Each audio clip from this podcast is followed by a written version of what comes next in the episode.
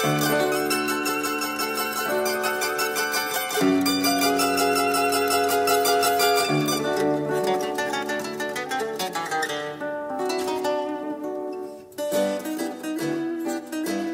zijn Dijn.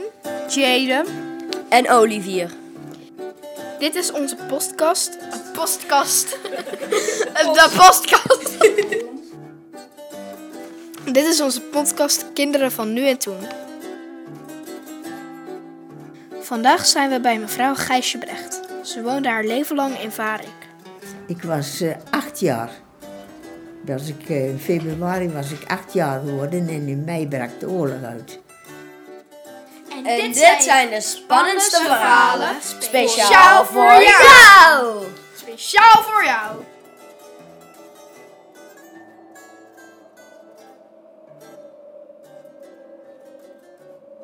Bleef u wel eens eh, s s'nachts wakker omdat u het eng vond? Ja, ja niet slapen door de vliegtuigen en zo. Hè. Maar wij moesten al gauw eh, 200 meter uit de dijk. Dat was in Herenwaarde. Onze plaats lag tegenover Herenwaarde. En die, eh, daar kwamen dan de Engelsen en dan de Duitsers. Dus het was een soort niemandsland. Maar ja, daar moesten wij weg, want het was, ze woonden te schieten en zo. Hè.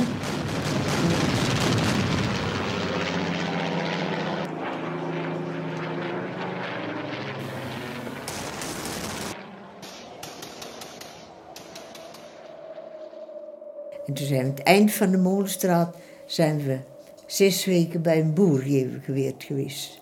Maar toen daarna, toen moesten we allemaal vark uit. En toen moesten we op een zaterdagmiddag in de sneeuwstorm, en glad was het, moesten we lopend met een paar wagens, want we hadden de boer aardappels meegekregen en erwten. Dus we moesten allemaal lopen dan naar Leerdam toen. Dat was een eind hoor, en glad en sneeuwstorm. Ik heb tot, eh tot Gelkum gelopen. En toen was er nog weer een neef van ons, die was ook ondergedoken. En die, eh, die hebben me toen op de fiets naar Leerdam gebracht. Ja. Eh, toen, toen u wegging, wat had u, dan allemaal, wat had u dan allemaal meegenomen?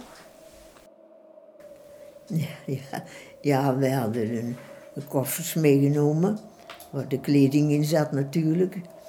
En, en dan eh, de, de, spullen van, eh, van, van de boer die we meegekregen hebben. Maar ja, het vroor zo hard en de paarden wilden in Gelkum niet meer lopen. En dus al de aardappels zijn toen bevroren. Ja, maar we hebben ze toch opgegeten. En wa- was het lekker om zo'n bevroren aardappel te eten? ja, dat weet ik niet meer.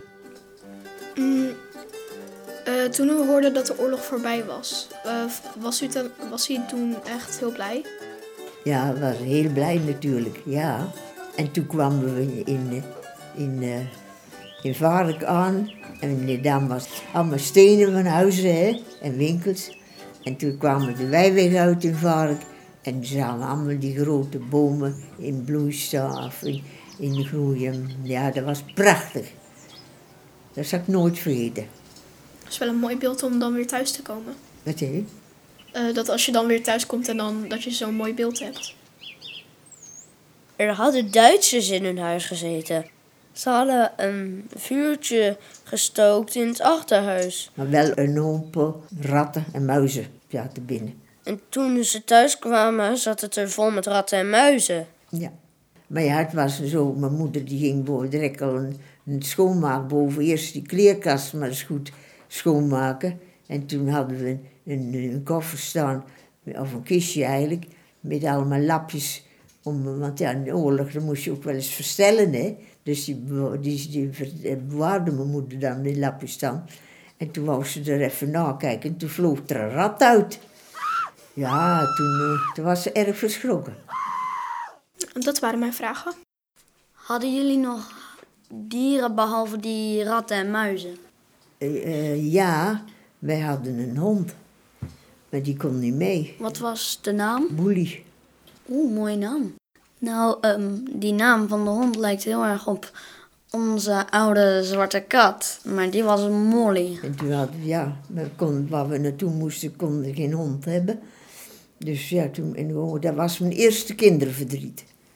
En toen zei mijn vader, ja, dan moeten we maar naar de, naar de politie brengen, dat hij hem doodschiet. Want ja, ja, oh, en toen waren we na een paar dagen bij mijn tante in, in Heeselt. En die woonde op de steenfabriek daar. En dan eh, zat ik zo wat de hele dag met mijn arm om de hond zijn nek. Ik vond het zo erg. Die politie kon hem niet doodschieten. Hij had hem weer losgelaten. Toen is die hond naar, naar, naar die boer gegaan, waar wij weet geweest zijn. En daar lag hij boven, want wij sliepen boven op een zolder. En daar, eh, daar lag hij, bij ons bij het ledekant, dood. Ja, misschien van honger. Ja, hij kreeg geen eten, dus hij lag daar. Dus ja. Ja, het was heel, heel erg. Ik was op school en ehm, Ja, Molly, was Molly te dik of hoor. te oud? Te oud en toen moest hij ingeslapen worden en ik moest echt heel erg huilen. Bij onze kat is het ongeveer hetzelfde. Ja. Hoeveel verdriet je dan krijgt. Ja. Dat was mijn eerste kinderverdriet. Ja. Maar ik zag wel eens een hond lopen in Leerdam. En dan dacht ik dat hij het was. Dat was ook zo de zwart met, met eh, crème.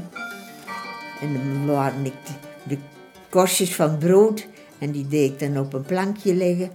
En, eh, maar ja, en, dat was het niet hoor. Dus die had hetzelfde gedrag als je hond, maar toch was die niet. Ja, maar dat was mijn eerste kinderverdriet. Ik heb er wat om gehuild. Ja.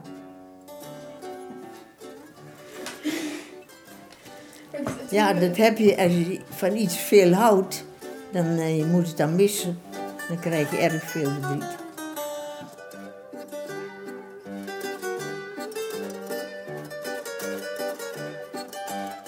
En later hebben we weer een hond gehad. En die was precies hetzelfde, de kleur. En die heette Jimmy. Maar die was maar, maar zeven weken oud. was maar zo'n klein beestje. Ik vond de hond het mooiste Ja. ook wel. Met de hond vond ik wel een heel Ja. mooi verhaal. Hond. Inderdaad, het verhaal met de hond. Medelijden en mooi. Ja, ik vind die van de hond dan ook wel het mooist. Daan, je mag zelf kiezen. hè? Nee, ik vind die serieus het mooist. Maar je hebt alles goed verteld en dank je voor uw tijd. Willen jullie soms een glaasje limonade? Ik wil wel.